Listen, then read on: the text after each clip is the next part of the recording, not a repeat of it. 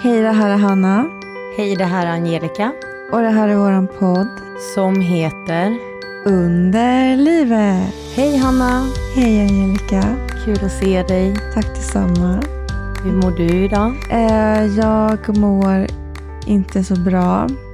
Jag är jätte, jättetrött. För att jag har, tar inte melatonin längre om kvällarna. Så att jag kommer inte ner i någon djupsömn. Och min kropp slappnar inte av. Och jag har också haft jättesvårt för att somna in.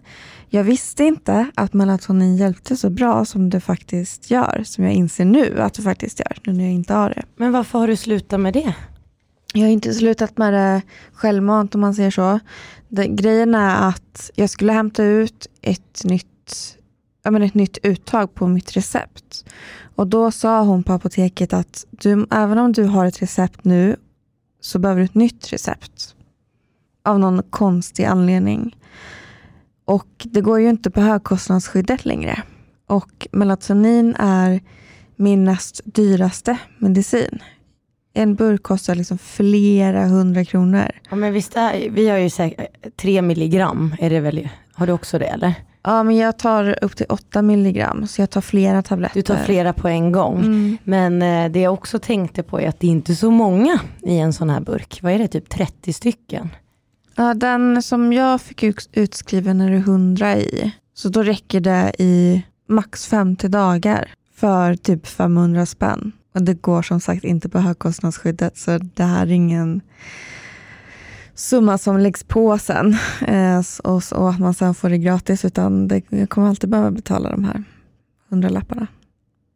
Så det är dyrt att vara sjuk, det är det.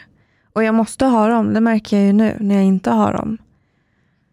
Jag tar ju inte varje dag, men det var ju du som faktiskt tipsade mig om melatonin. Och det är bland det Mhm. bästa tipset jag har fått. Varför tycker du att de är så bra då?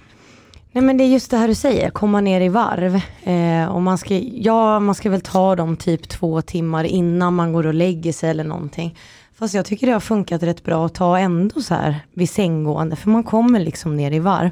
Jag tar ju inte varje dag, utan det är i samband med smärta när man har ont eller om man har haft jättemycket på jobbet. Ja men du vet, behöver liksom komma ner. Så jag Mm. tycker det har, det har funkat väldigt bra. Visst, de är helt fantastiska. Ja, Mm. Och jag får inga biverkningar av dem heller. Jag jag är, svettades i början. Mhm. Alltså så här jättemycket svettningar och jättelivliga drömmar, men jag tror vi Ja. pratade om det.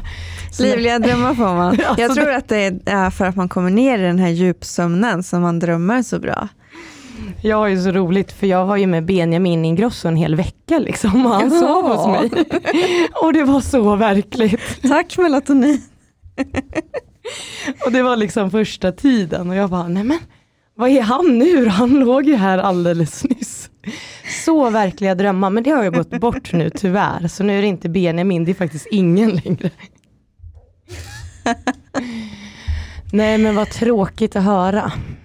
Ja, men jag ska gå till apoteket här nu när vi är färdiga. För då tror jag att jag har ett att hämta ut. Så du har inte kunnat sova liksom ordentligt. Nej. Och vilket helvete det är att inte kunna sova. Men hur har det varit med smärtan och allt sånt där då?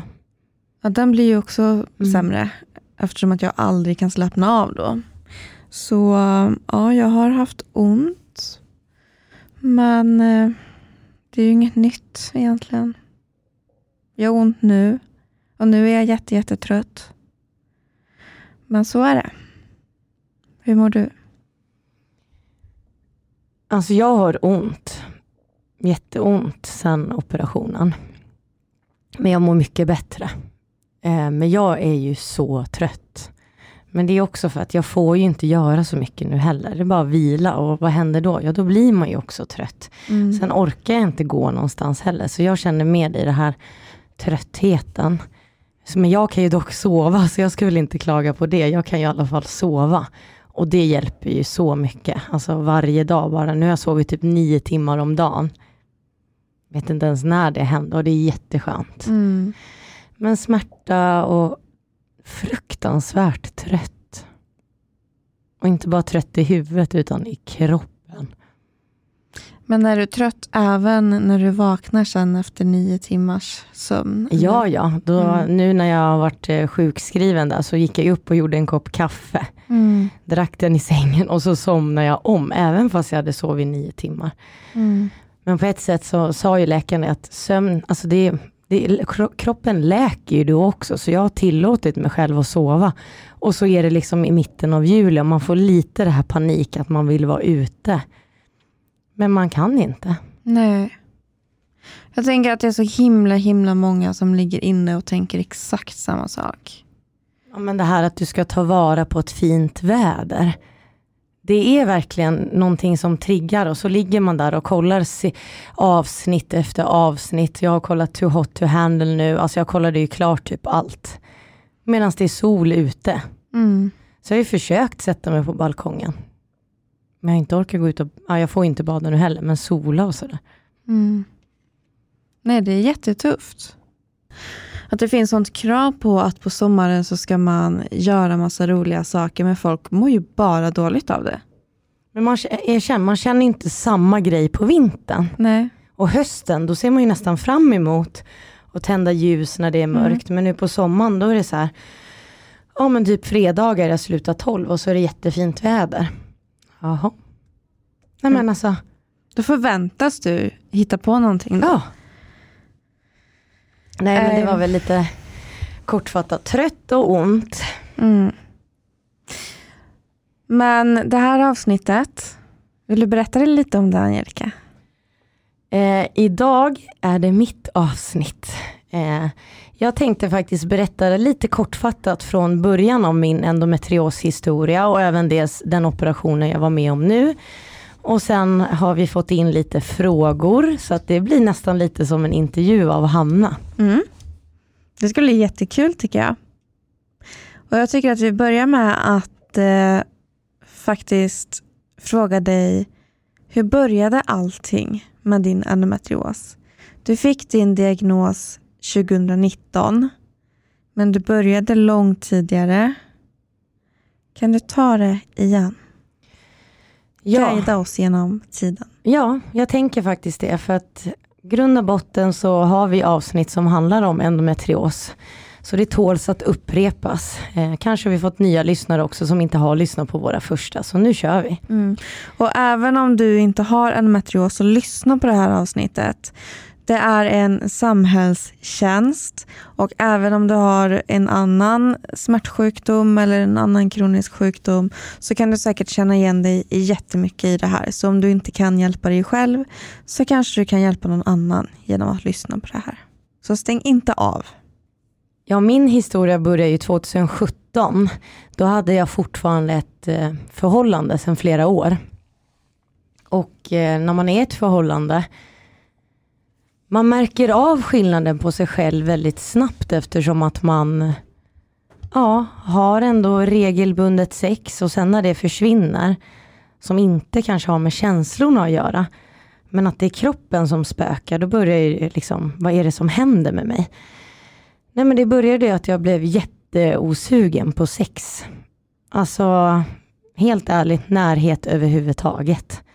Och det bara kom och liksom hur förklarar man det till sin partner man har varit med i två och ett halvt år då? Vi var ju tillsammans längre men då har vi varit tillsammans två och ett halvt. Det är väldigt svårt att förklara att jag vill inte. Men är du kär i mig? Ja men jag är kär i dig. Men jag vet inte vad som händer. Ja men då kanske det är någonting att man måste spicea upp och du vet, alltså ändå han försökte liksom innan jag ens hade sökt hjälp. Men jag ville liksom inte, jag blev typ lite rädd för att jag hade så här ont i min kropp, alltså i underlivet hela tiden. Men sen så började det att jag eh, fick eh, flera urinvägsinfektioner. Och eh, det var inte i samband med sommar att man badade mycket eller någonting. Eller ja men du vet, det var inte så det fanns inget som kunde förklara varför jag fick så mycket urinvägsinfektioner. Så det var så jag började söka mig till vårdcentralen. Men sen när jag hade sökt 17 gånger och under de här 17 gångerna blivit dumförklarad att ja, men nu ringer ju du igen. Du var ju här förra veckan, det kan ju inte vara urinvägsinfektion. Nej, Och det är väl därför jag ringer, att jag behöver hjälp. Men det svider när jag kissar och liksom det gör ont hela tiden. Jag vill inte kissa. 17 gånger. Ja, det var lite roligt för att jag kollade i min journal. Och när man tar urinprov som ni har gjort så blir det en sån här bloddroppe. Man ser det i journalen 1177. Och jag bara scrollade. Och det var bara bloddroppe efter bloddroppe. Att de hade gjort så många test på mitt urin. Ja. Och det visade ju såklart ingenting. Nej. Men sen så började det här eh, att jag hade liksom en kraftig verk i vänster sida. Och vad är det? Så började jag googla organen och bara vad är det för organ som sitter här? Är det magen? Och jag hade ju fått en IBS-diagnos 2013. Så jag tänkte att det var IBS som spökade. Så jag fortsatte ju söka för mina urinvägsinfektioner. Men sen sista gången då på det året eller vad det var så fick jag träffa en jättebra vårdcentralsläkare.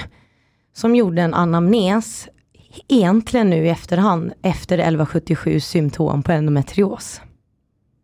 Och det har jag ju insett i efterhand. För han misstänkte endometrios. Och han, Han hette Svante. ingenting. Det här var första gången jag träffade bästa Svante. Mm. Och då satt vi som med en checklista. Jag visste inte ens vad endometrios var. Och jag hade inte fått diagnos då. Men då sa ju han att allt det här du berättar, det låter som en kvinnosjukdom som heter endometrios. Och då var det ju endo vadå? Nej men, så jag kommer skicka dig vidare till gyn. Jaha, men det är ju liksom i magen och i lår eller liksom i ljumsken. Ja, exakt. Så vi börjar där och det var ju då jag började få eh, träffa gynekologer. Så Och kom- vilket år är det här? nu kanske vi är inne på 2018 då, Mm. början. Sen fick jag träffa gynekologer och man såg ju ingenting på en vanlig gyn- gynundersökning. De gjorde även ultraljud och allt såg ju så himla bra ut. Min ena äggstock var bara lite så missformad eller, eller så vad säger jag, missbildad såg den ut. Men den, den, den, den syns, den är där, det ser bra ut. Okej, ja men det här med urinvägsinfektion, vi ska skicka dig vidare till en sån här, för män heter det urolog. Vet du Hanna vad det heter för kvinnor? Är det samma? Nej. När man testar urinblåsan. Oj, jag vet inte. Ja, men dit fick jag då en remiss. Ja. Och det ska ni ju alla veta att det här går ju inte snabbt. Utan det måste ju gå liksom, så går det tre Aj, aj, aj, aj. månader och ja, det är ju alltid någon väntetid emellan. Men så fick jag testa urinblåsan och det gjorde jävligt ont. Men det var ingen fel. Jag kunde knipa åt eller vad det var det de kollade liksom, så att det var ju ingenting. Så tillbaka till gyn. Och bara, ja, men vi hittar ju ingenting. Så att där stod jag liksom ett, vad kallar man ett, ett land där det, det hände ingenting. Jag bara hade ont och jag hade ont när jag kissade, när jag hade samlag. Sen hade jag IBS sen tidigare, men magen var ju katastrof. Det är ju väldigt många också som får IBS som diagnos först, felaktigt. Och sen visar det sig att det beror på endometrios. Det är väldigt snarlika symptom. Ja, så jag kan ju tänka mig att den också blev värre med den tiden. Men det var ju liksom Ja men det är så fantastiskt hur kroppen är och hur hjärnan är, hur man ska liksom gömma det här. Jag berättade inte för någon annan än min partner. När jag gick ut med tjejerna eh, så var jag tvungen att ta Dimor. Jag hade alltid med mig toapapper i handväskan. Tänk om det inte finns på restaurangen och jag får rännskita. Bindor hela tiden. Tänk om jag kissar på mig, men då kan jag kissa i bindan i alla fall om det blir panik. För det, ja, urinvägsinfektion, det var så det kändes. Så det var ju liksom, jag hjälpte känns det som att min endometrios bara tog över mitt liv mer och mer. Och det slutade faktiskt med att jag fick höra från mitt eh, ex. Och jag vet inte om jag har berättat om det här innan, men det är ändå en jobbig grej. Jag hör att man är asexuell. Och sen absolut, vi gjorde ju slut. Men jag tror att jag kanske förändrades, jag tar inte på mig någonting. Men någonting hände i alla fall med vårt förhållande, för jag mådde inte bra. Och sen blev ju jag dumpad. Eh, men jag fortsatte min resa själv då. Gick till alla gynekologer, men det visade ingenting. Men jag var ihärdig, en så här jobbig jag vet inte, ett jobbigt djur, en iller kanske, jag vet inte. Nej men någonting. Jag bara kämpade och jag ringde och jag ringde och jag ringde. Nej men alltså jag var ju helt, kalla mig manisk. Jag var det. Men man måste vara det för att få hjälp i svensk kvinnovård. Det är helt sjukt. Och då berättade jag för vänner och familj och bara, gud vad du går hos läkaren, vad är det? Och då började jag ju säga att det är något fel. Det var ju kisset det var fel på, det var ju det jag trodde. Men jag åkte dit och även fast de inte hittade något så betalade jag 300 kronor per besök. Det tog fem minuter ibland och ibland, ja. Ja men du vet, jag fick liksom inga svar. Nej, du betalade för att bli avfärdad. Jag betalade, rent ut sagt som du säger, för att bli avfärdad och dumförklarad. Och det här är ett känsligt avsnitt. För att det var ändå ett år sedan Hanna och jag hade ett sånt här avsnitt sist. Och man blir liksom påmind om allting. Och det är skitjobbigt. För att jag hade ingen hjälp. Den enda som trodde på mig var den här Svante, men han var inte gynekolog. Men han fortsatte ju också hjälpa mig och jag gick ju dit även fast han inte kunde göra något. För jag kände bara att jag behövde ha någon som lyssnade på mig. Han kunde inte göra någonting. Men sen då i alla fall så efter mycket om och men. Eh, kanske mitten av 2018 då där till sommaren eller något. Nej men då började jag få muskel, liksom, vad säger man, förslappade muskler. Alltså, jag började halta, jag kommer ihåg det, jag jobbade på Ikea då. Eh, extra under min magister. Och skulle precis börja jobba den sommaren också som audionom. Och då kom jag till mitt nya jobb och alltså jag kunde knappt gå, jag haltade. Och alla bara, vad har du gjort? Och jag bara, jag spelar brännboll med mitt gamla jobb och hallå, alltså jag är ändå sporttjej, alltså det var inte träningsverk, det var liksom vänster ben, vänster sida, allt det jävla vänster sida liksom. Nej, så att jag ljög ju liksom och hittade på att det var träningsverk och sånt. Men sen så fick jag träffa en annan gynekolog, man vet ju inte hur många man har träffat i sina dagar. Och många av mina tjejkompisar tycker det är jobbigt att gå till en gynekolog för att bara cellkon- cellprovskontroll. Men jag var ju där och drog ner byxan en gång i veckan. Och det var inte kul heller. Ni kanske hör att jag sväljer lite men det är bara för att jag vill få med allt för det är jävligt jobbigt. Jag ska försöka tänka på det men man blir lite berörd. Men sen fick jag i alla fall träffa en gynekolog som sa det att jag, jag, jag misstänker endometrios. Jag bara, ja, det är andra gången jag hör det nu.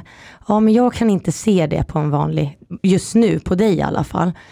Så jag får skicka er till, eller dig till endometriosteamet på Sahlgrenska. Och då kom jag dit, jag var där på ett besök. Och sen var det direkt bara, ja men det är ju endometrios. Och du har sammanväxningar, det var ju därför min äggstock såg ut som ett timglas. Det var ju sammanväxningar liksom. Det växte ihop med bukhinnan och allting. Det är inte konstigt att jag hade samlagssmärtor liksom. Så man såg det på ultraljud? Hon såg.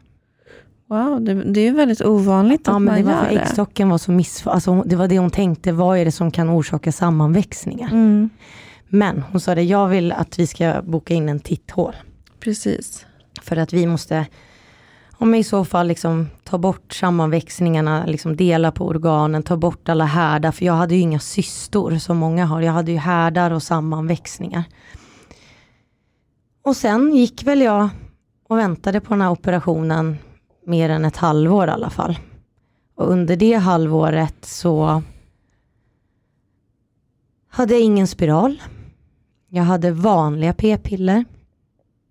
Eh, jag hade fått Citodon, det var mina första starka smärtstillande. Som inte hjälpte överhuvudtaget. Och så här var det. Så här härdade jag ut. Jag träffade mina kompisar så mycket jag orkade och jag kommer ihåg att jag var på en fest och jag kände som att jag hade en mask på mig för allting som var så himla kul. Jag kunde inte skratta. Och det var inte för att jag åt något antidepp eller något. Min kropp var bara så trött på att låtsas och spela så att jag bara stängde av. Men sen fick jag min operation 2019. Och den eh, kan, jag vet inte om man kan kalla den egentligen lyckad. De fick ju bort härdarna och sammanväxningarna men jag var ju sjukskriven tre månader. Och läkaren sa att jag skulle vara hemma en vecka. Så fyra dagar efter operationen låg jag fortfarande kvar på Sahlgrenska. För jag hade fått en nervinklämning och en sån här operation tar väl från 30 till 40 minuter. Eller? Mm. Min tog över två timmar. Och min mamma satt i väntrummet och fick, fick ingen information om att jag låg där. Gud vad orolig man ska vara. Jätteorolig. Men då vaknar jag på uppvaket. Alltså jag har så ont. Nu ser ni inte mig, men alltså jag kunde inte ens hålla mitt huvud uppe. Jag hade fått så mycket stesolid för jag hade så ont. Jag kunde inte sitta eller ligga på min rumpa. Jag bara skrek och jag bara Aah! Alltså jag skrek, jag skrek, jag skrek konstant. Samtidigt som de försökte hålla upp mitt, mitt huvud och ge mig någon så här päron mer eller någonting. Och jag kunde liksom inte ens få greppa sugröret. Men det enda jag fick ur mig, mamma väntrummet, min mamma i väntrummet. Så hon fick ju komma ner till uppvaket. Och där stod hon liksom och bara blev så ledsen. Och se att jag hade så ont. Så jag ser min mamma men jag kan inte se att det är hennes drag. Jag ser hennes korta, gulliga kropp och blonda hår. Men jag kan inte se att det är min mamma för att jag har så mycket smärtstillande och jag bara skriker. Nej, nej, ni måste söva mig, det går inte. Jag har så ont, jag vill inte vara vaken, jag vill inte vara vaken. Så panik. Jag låg ju där på uppvaket länge innan jag fick komma upp på avdelningen. Och sen när jag skulle upp på avdelningen eh, någon timme senare så kunde jag inte gå. Jag, alltså jag kunde inte ta emot mig på mina fötter för då har man ju opererat sin så här gynstol. Så jag hade fått en nervinklämning. Jag, hade in, jag kunde inte gå, jag kunde inte stödja. Det var som en spagettifot. Så då fick jag rullator men jag kunde inte gå med rullatorn. Och jag hade så ont, jag kunde bara ligga på en sida eftersom att jag hade så ont åt vänster sida. Så då låg jag bara i sängen på en och samma plats. Så jag låg kvar där fyra och en halv dag. Och jag skulle vara hemma en vecka. Och jag började liksom, ja men det går inte så snabbt. Men ni vet så här, när ni har ett par skor som ni har haft på er för länge, typ Converse och det börjar bränna i hälen. Så kände jag på min kropp, som att jag började få liggsår. Så jag fick faktiskt en sån här bubbelmadrass som många får, som ligger inne på typ palliativa vård och sånt.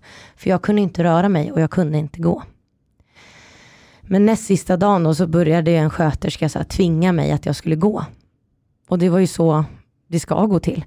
Så jag försökte gå och träna där och hon tvingade mig att gå längst bort i korridoren. Jag bara kan inte, jag kommer spy. Och då hade man ju druckit någon sån här blåbärs eh, ersättning eller någonting. Jag bara spydde i korridoren och hon tvingade mig att gå. Och sen åkte jag hem, sjuk, fick sjukskrivning två veckor till och blev sämre när jag kom hem.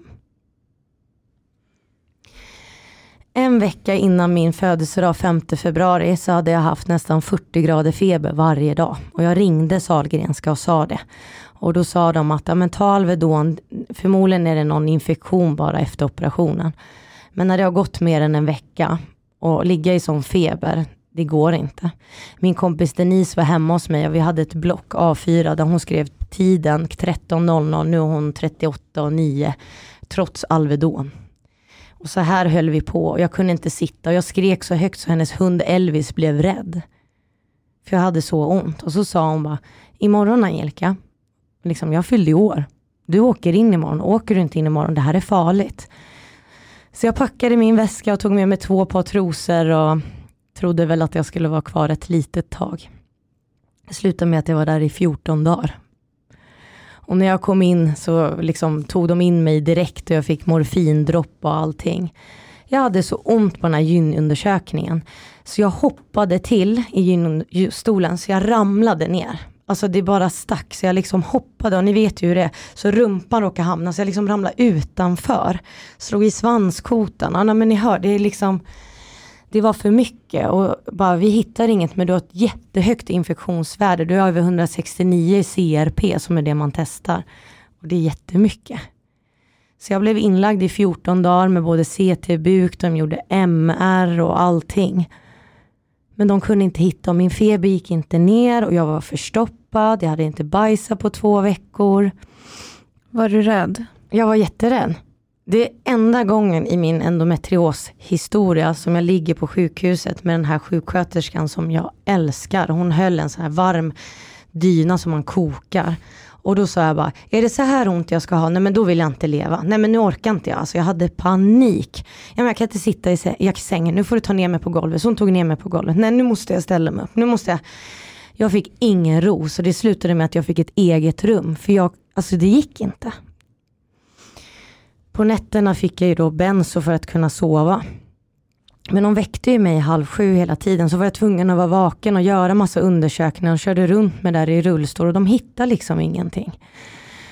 Eh, och jag tänker bara prata endometriosen nu för det är det det är, för de hittade ju annat på levern men det är inte aktuellt. Men det var ju massa annat samtidigt också. Och sen hade jag en sköterska där som sa att du måste bajsa. Man fattar ju hur viktigt det är. Men när någon står varje dag, har du bajsat, har du bajsat, har du bajsat, har du bajsat, har du bajsat? Du blir ju knäpp i huvudet, det är klart du inte kan bajsa. Men hon var en idiot. Eh, hon la papper i toan eh, så att jag skulle bajsa på pappret, så hon tvingade mig att bajsa. Så jag går och verkligen är envis och arg och trycker ut den lilla korven jag har och spricker upp.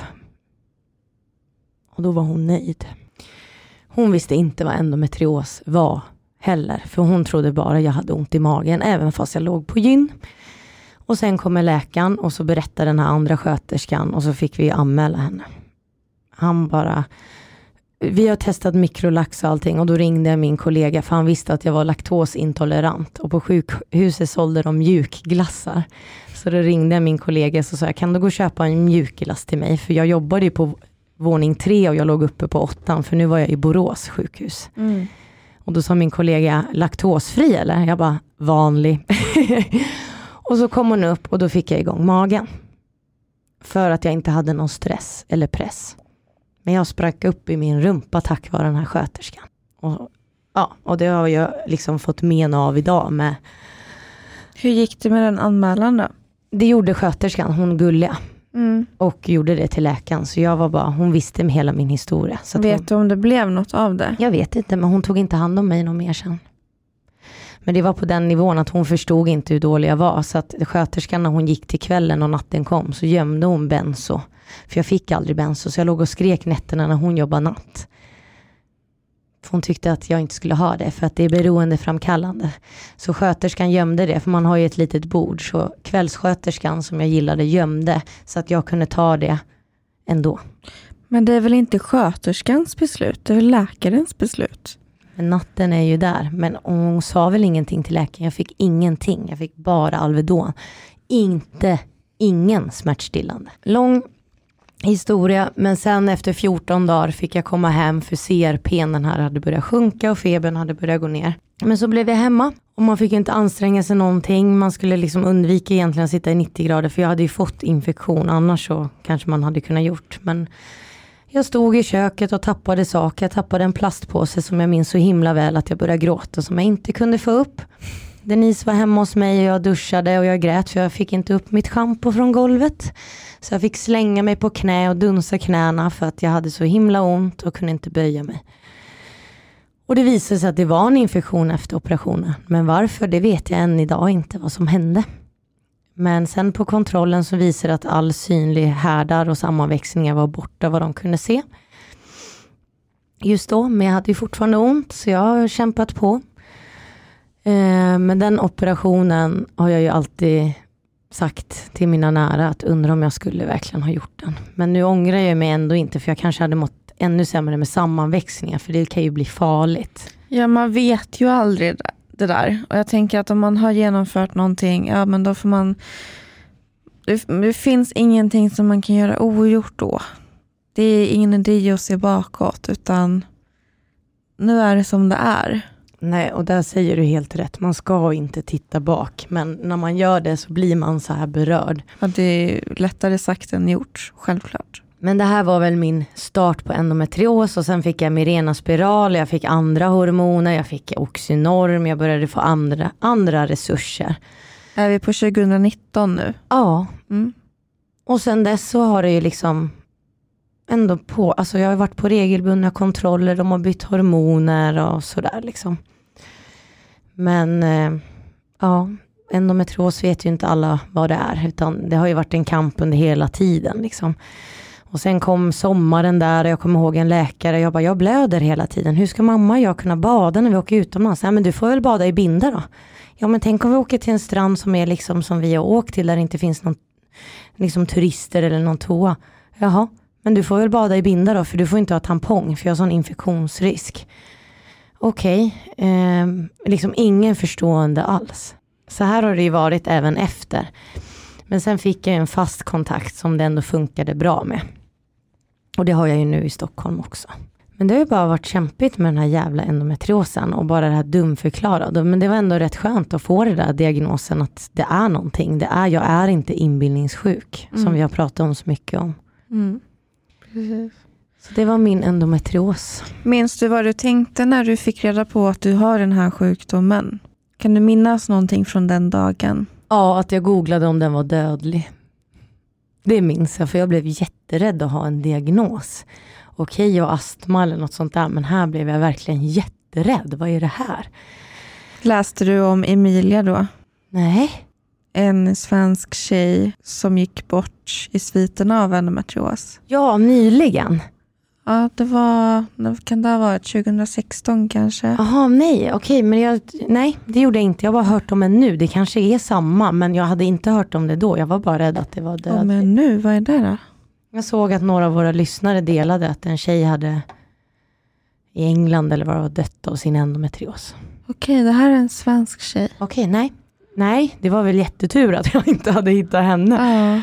Fy, nej men det var ju min största rädsla. Och sen började ett annat kapitel i min bok kan man väl säga. Och börja förklara för sina vänner att jag är inte som vanligt längre. Jag måste se ut som jag alltid har gjort men jag är förändrad.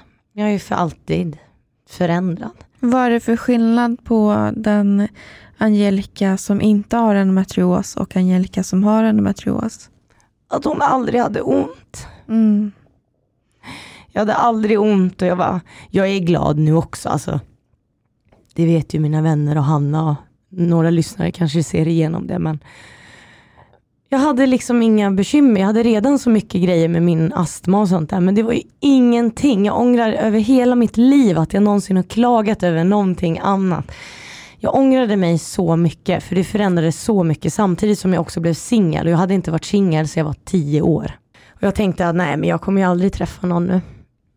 Nej men jag tänkte så här, det kommer aldrig gå liksom att dejta och ha endometrios och jag kommer liksom, jag vet inte vad det här innebär, ska jag äta Oxynorm hela tiden? Jag började googla att jag hade också kontin också, man tog dem samtidigt där i början och jag läste på massa studier att folk tog livet av sig i USA av Oxycontin och jag bara nej men jag kommer ju aldrig kunna dricka drinkar igen.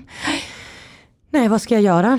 Nej men alltså jag hade en, en livskris samtidigt som mm. mina vänner då ska ställa om sig och bara du är samma människa på ett sätt, men vi måste lära oss att det är någonting mer. Och det här var inte bara vänner, det var mamma också. Mm. Kom nu, nej jag kan inte. Jag måste ligga i soffan. Alltså vad fan kom det här ifrån? Jag är så jävla arg. Men det finns ju någonting som man måste förhålla sig till hela tiden. Någonting som alltid finns där och spökar. Och någonting som lever sitt egna liv och skiter i vilka planer man har, om man är glad eller ledsen, om man är trött eller pigg. Spelar liksom ingen roll för endometriosen är där oavsett. Och jag känner igen det här med att innan jag blev sjuk så var jag en jättesocial, sprallig person med mycket energi och påhittig och älskade att göra grejer. Nu är jag tvärtom. Den där personen finns inne i mig. Jag vet det.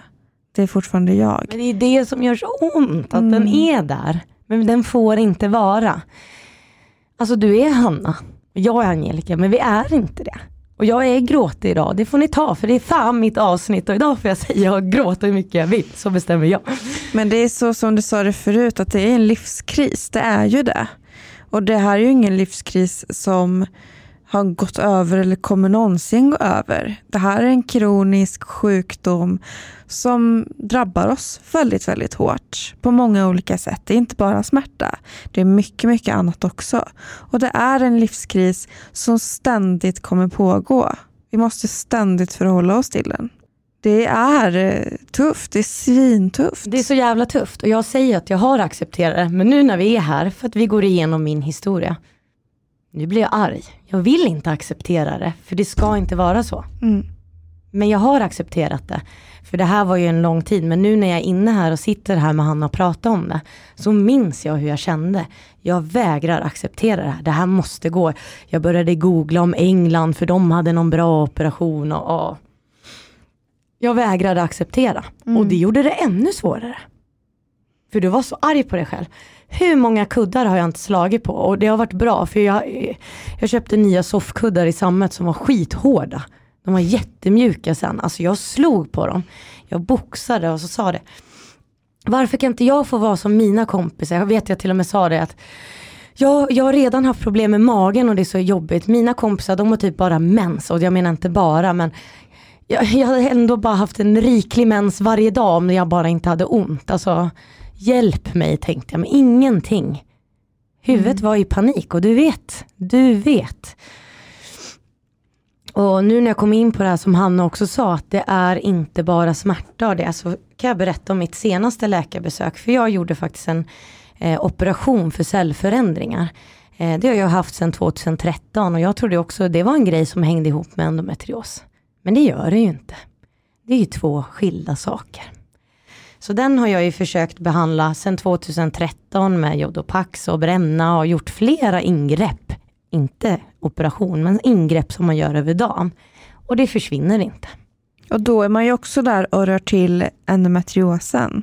Endometriosen får aldrig vara i fred. Varje gynundersökning ger ännu mer nervsmärta.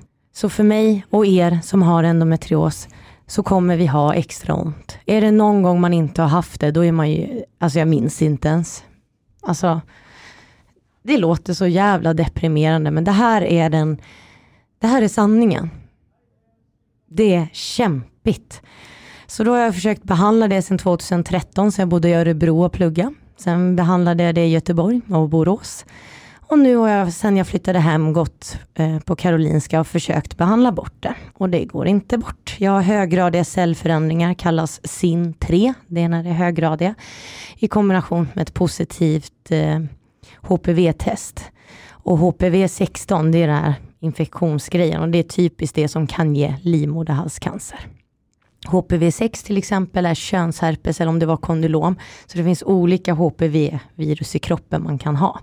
Mm. Men cellförändringen är HPV 16 och 18 och jag har 16. Och det har jag haft sedan 2013 så då fick jag ett besök här. Och jag la upp det på Instagram jag skäms men alltså, jag var tvungen att sitta där i en pyjamas. Jag kunde inte gå och lägga mig innan jag fick prata med mina vänner och dela det med alla våra lyssnare. Och jag delar den på min privata också. Jag tyckte det var skitbra. Jätte, jättebra. Jag är så stolt över dig Angelica. Dagen efter så var det lite så här, jag var i ett så här rus. Så då kom det en liten sån här, fan vad alla måste tröttna på mig. Gud vad jag tar över med min sjukdom. Varför la jag upp den på min privata? Varför, varför, varför? För att världen måste lära sig om sånt här. Varför är det inte fler som lägger upp sånt här på sin Instagram? Tycker jag är den rätta frågan. Gud vad glad jag är, jag är inte gråtig, nu är jag så power. Och då fick jag komma till det här läkarbesöket med en hemsk kvinna, 50 plus kallar vi henne. Hon berättade då att ja, du har ju haft cellförändringar i så många år och man måste ju avlägsna dem. Så att vi måste boka in en operation. För att det är bättre för då är också endometrios att du får narkos så att du slipper liksom vara vaken och så kommer du få ketamin när du vaknar så att smärtan är okej okay i alla fall. Och det är jättebra. Men är det här en konisering? Alltså för jag det har jag gjort förut. Haft, eh, Nej, för då har man som en eh, elektron, elektrodplatta på låret. Uh. Och så ligger man under lokal bedömning.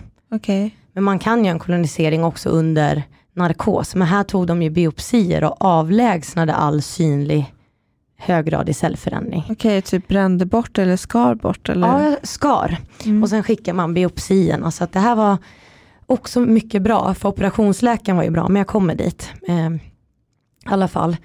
Och då sa jag, ja men det har jag ju väntat och det första jag säger då direkt är, och jag vill bara checka av det här från min lista för jag har ju endometrios också. Ja men då går vi igenom hälsodeklarationen. Är du singel? Ja. Hur kommer det sig?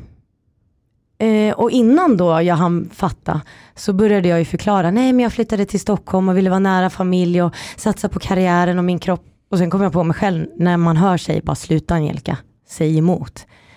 Jag bara, nej men jag är singel. bara vände helt tvärt liksom. Jag blev väl en satmara där, men det var liksom att jag behövde typ. Ja men du ska ju inte ursäkta dig. Nej, men tänk tänkte att man börjar så. Hur många av er jag har ju fått jättefina meddelanden hur många av er som har gjort det här och inte kommit dit. Men nu, jag bara, jag orkar inte. Jag har redan, jag utreds ju nu på endometriosteamet för eventuellt endometrios på lungsäck och levern. Det räcker känner jag, bara bort med cellförändringarna. Och då sa hon, ah, okej, okay, men dejtar du eller någonting sånt här? Slängde hon ut sig. Jag tror inte ens jag svarade på det, för jag var så chockad. Jag tror inte ens jag nämnde det i klippet, för det var inte aktuellt. Men hon sa någonting sånt där. Och då sa jag bara att jag är en trygg singel och det har varit så skönt att få ta hand om min kropp och få välja med min kropp vem jag gör någonting med. Jag har faktiskt inte haft ett förhållande. Och hon bara, åh, men din generation, de är så kräsna. När jag var ung så då tänkte man inte så mycket vem man skulle skaffa barn med. Och du som är ett så olyckligt fall, som har både svåra cellförändringar och en svår endometrios. Du borde verkligen börja tänka på att skaffa barn. Och vet du vad jag har hört Angelica? Att när du föder barn, då försvinner din endometrios. Och så Nej, är det sant? Ja, det var därför jag blev och så jävla... nu ska jag åka hem och, och göra barn med en gång så att jag blir frisk. Ja, det är helt otroligt. Och då sa jag, nej, jag har faktiskt haft ett kallat krissamtal kanske med en, min gynekolog och pratat om barnafrågan och frysa ägg. Så jag vet att jag inte är där än. Hon bara, men du är 31, du är gammal. Du borde börja tänka på det. Hur ska jag börja tänka på det när jag är singel? Och sen absolut, man kan skaffa barn på egen hand. Men jag har ju en bra endometrioskontakt där vi har en plan att när jag börjar närma mig 33 där så måste vi börja prata om det mer. Jag är 31 nu. Det är fler, hur många år är det kvar till 33? Vi, det är enkel matte. Idiotläkare. Och då säger hon, oj, jag ser nu att du blir väldigt upprörd. Men jag vill bara säga vad jag har hört. Att Många blir av med sin endometrios och jag bara, nej men nu vill inte jag prata om det här något mer. Sen kommer vi in. Ja, vad jobbar du med? Jag är audionom. Ja, okej. Okay. Vad jobbar du på sjukhus? Eller jag bara, nej just nu är jag på privat mottagning.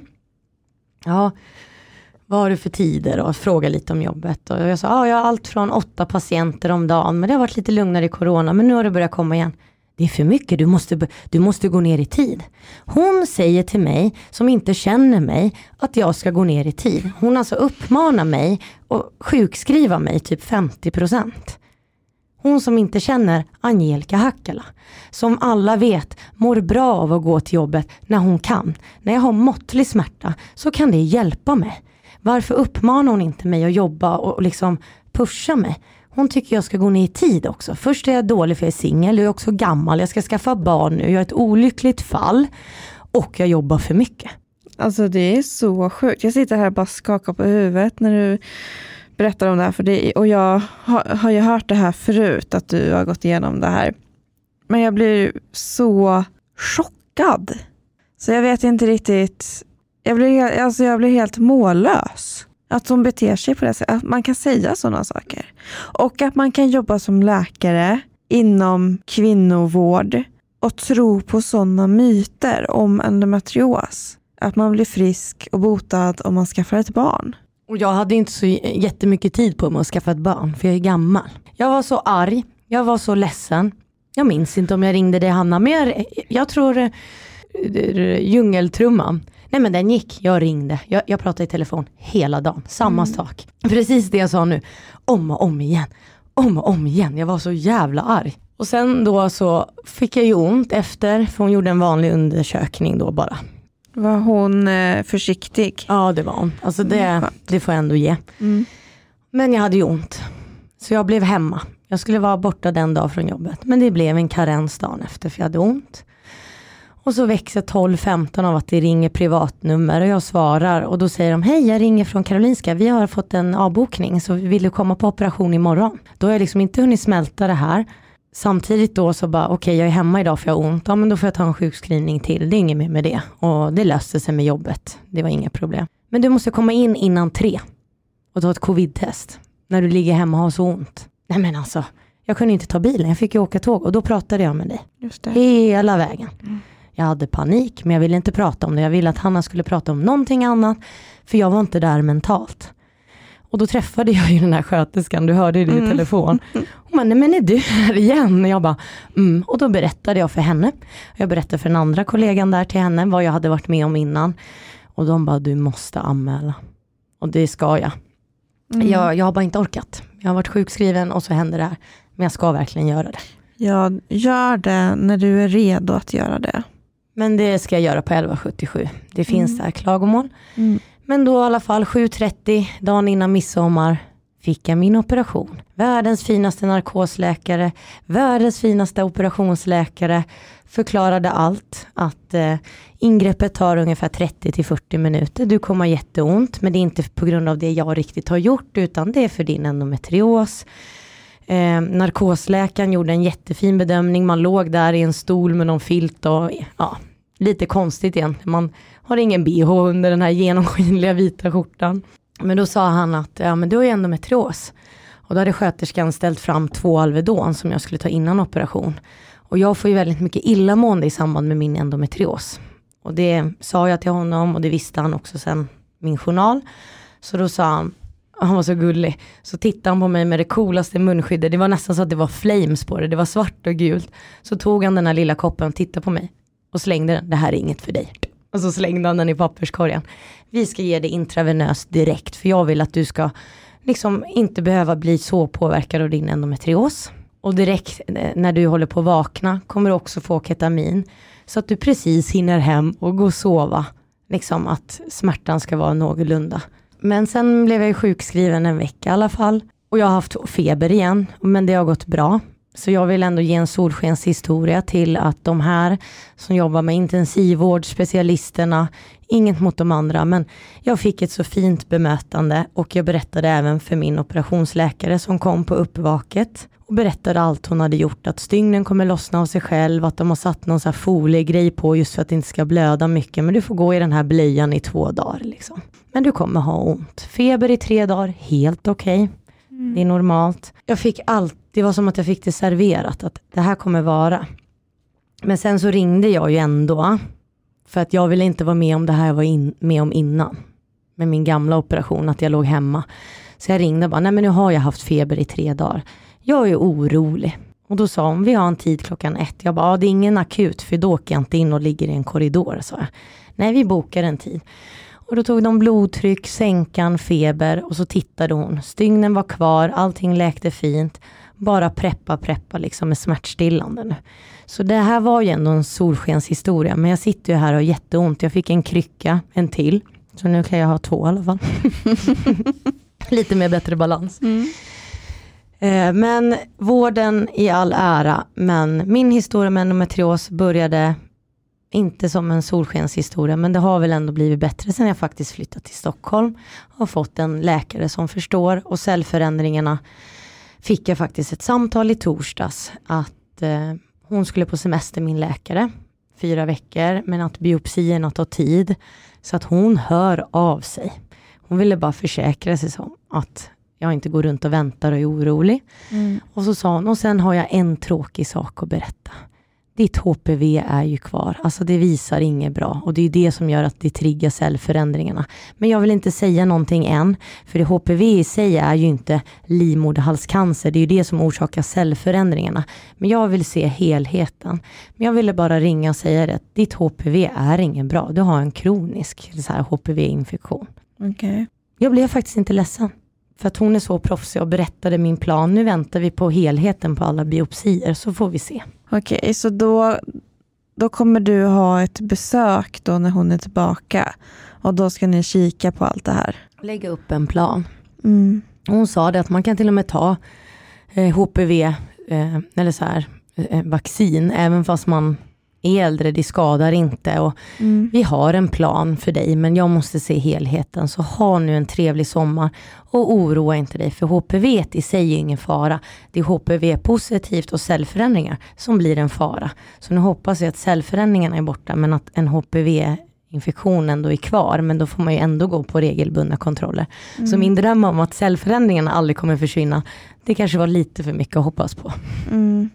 Men om du tar det här vaccinet, då kan det väl ändå vara så att du slipper andra typer av HPV.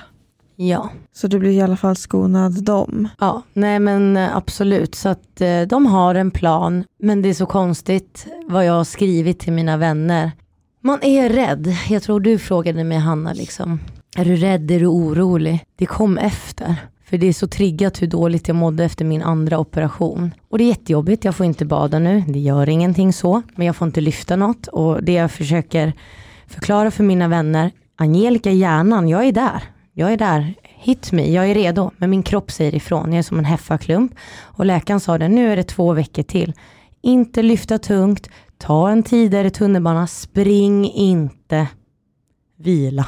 Mm. Och det är svårt att vila när huvudet vill något annat. Men jag har vilat hela veckan.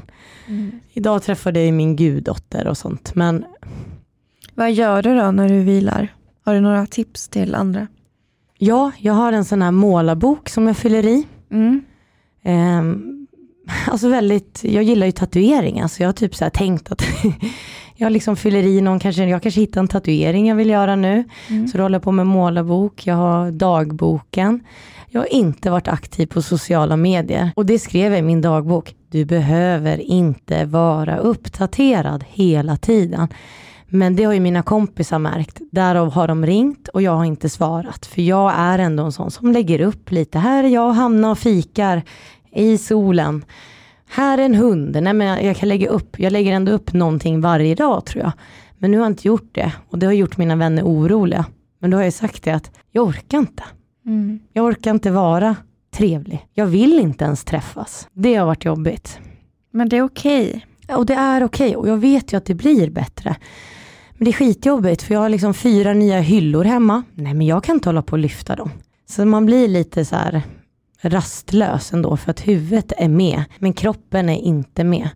Och jag eh, har ju lyft lite grejer nu ändå och direkt jag gjort det så har det kommit blod. Det är bara onödigt. Varför kan inte jag bara låta de här stygnen läka ut ordentligt? Men jag mår ju bättre och det här var ju inget titthål. Det ska jag också tillägga utan man gick in vaginalt. Ja, så det var lite om mina gynhistorier. Så vi hoppas att cellförändringarna faktiskt är borta. Och endometriosen är ju vad den är. Man har ont varje dag. Men vissa dagar är ju alltid mindre för mig i alla fall. Så jag skulle kalla den ändå stabil. Hur ser du på framtiden då med endometrios? Jag önskar att det kom ett piller eller någonting man kan göra. Även om man opererar bort allt så kan ju endometrios finnas kvar. Jag hade önskat att jag fortsatte drev den här podden hur länge som helst och jag en dag fick säga att jag är botad. Men det kommer ju inte. Man vet aldrig. Nej. Man vet aldrig. Alltså det hade varit dröm. Det hade varit riktigt häftigt att få vara med om det under sin livstid. Jag hoppas vi får det. Sen får vi se. Men framtiden med endometrios. Jag kommer inte göra som dig Hanna och sluta med hormoner än. Och som ni hör nu så är det för att jag har haft en pissbehandling innan. Jag är så rädd att må så som jag mådde då. Så absolut, jag är rädd. Men jag fortsätter med den behandling jag har. Och sen när jag är 33 får vi väl börja skaffa barn då. Nej men alltså, vi har ju en plan. Och sen Mm. vet man ju aldrig heller om man kan få barn. Nej, precis. Så att jag känner att jag tar det som det kommer, men jag fortsätter med min endometriosbehandling som den är nu i alla fall. Det låter klokt tycker jag. Man kan inte göra mer. Nej. Så är det. Tack så jättemycket Angelica för att vi fick höra din eh, historia. Hur du fick din endometriosdiagnos och hur läget är idag, hur du ser på framtiden. Och tack för att ni ville lyssna på min historia igen. Det är viktigt. Ju mer vi delar, desto mer hörs vi liksom.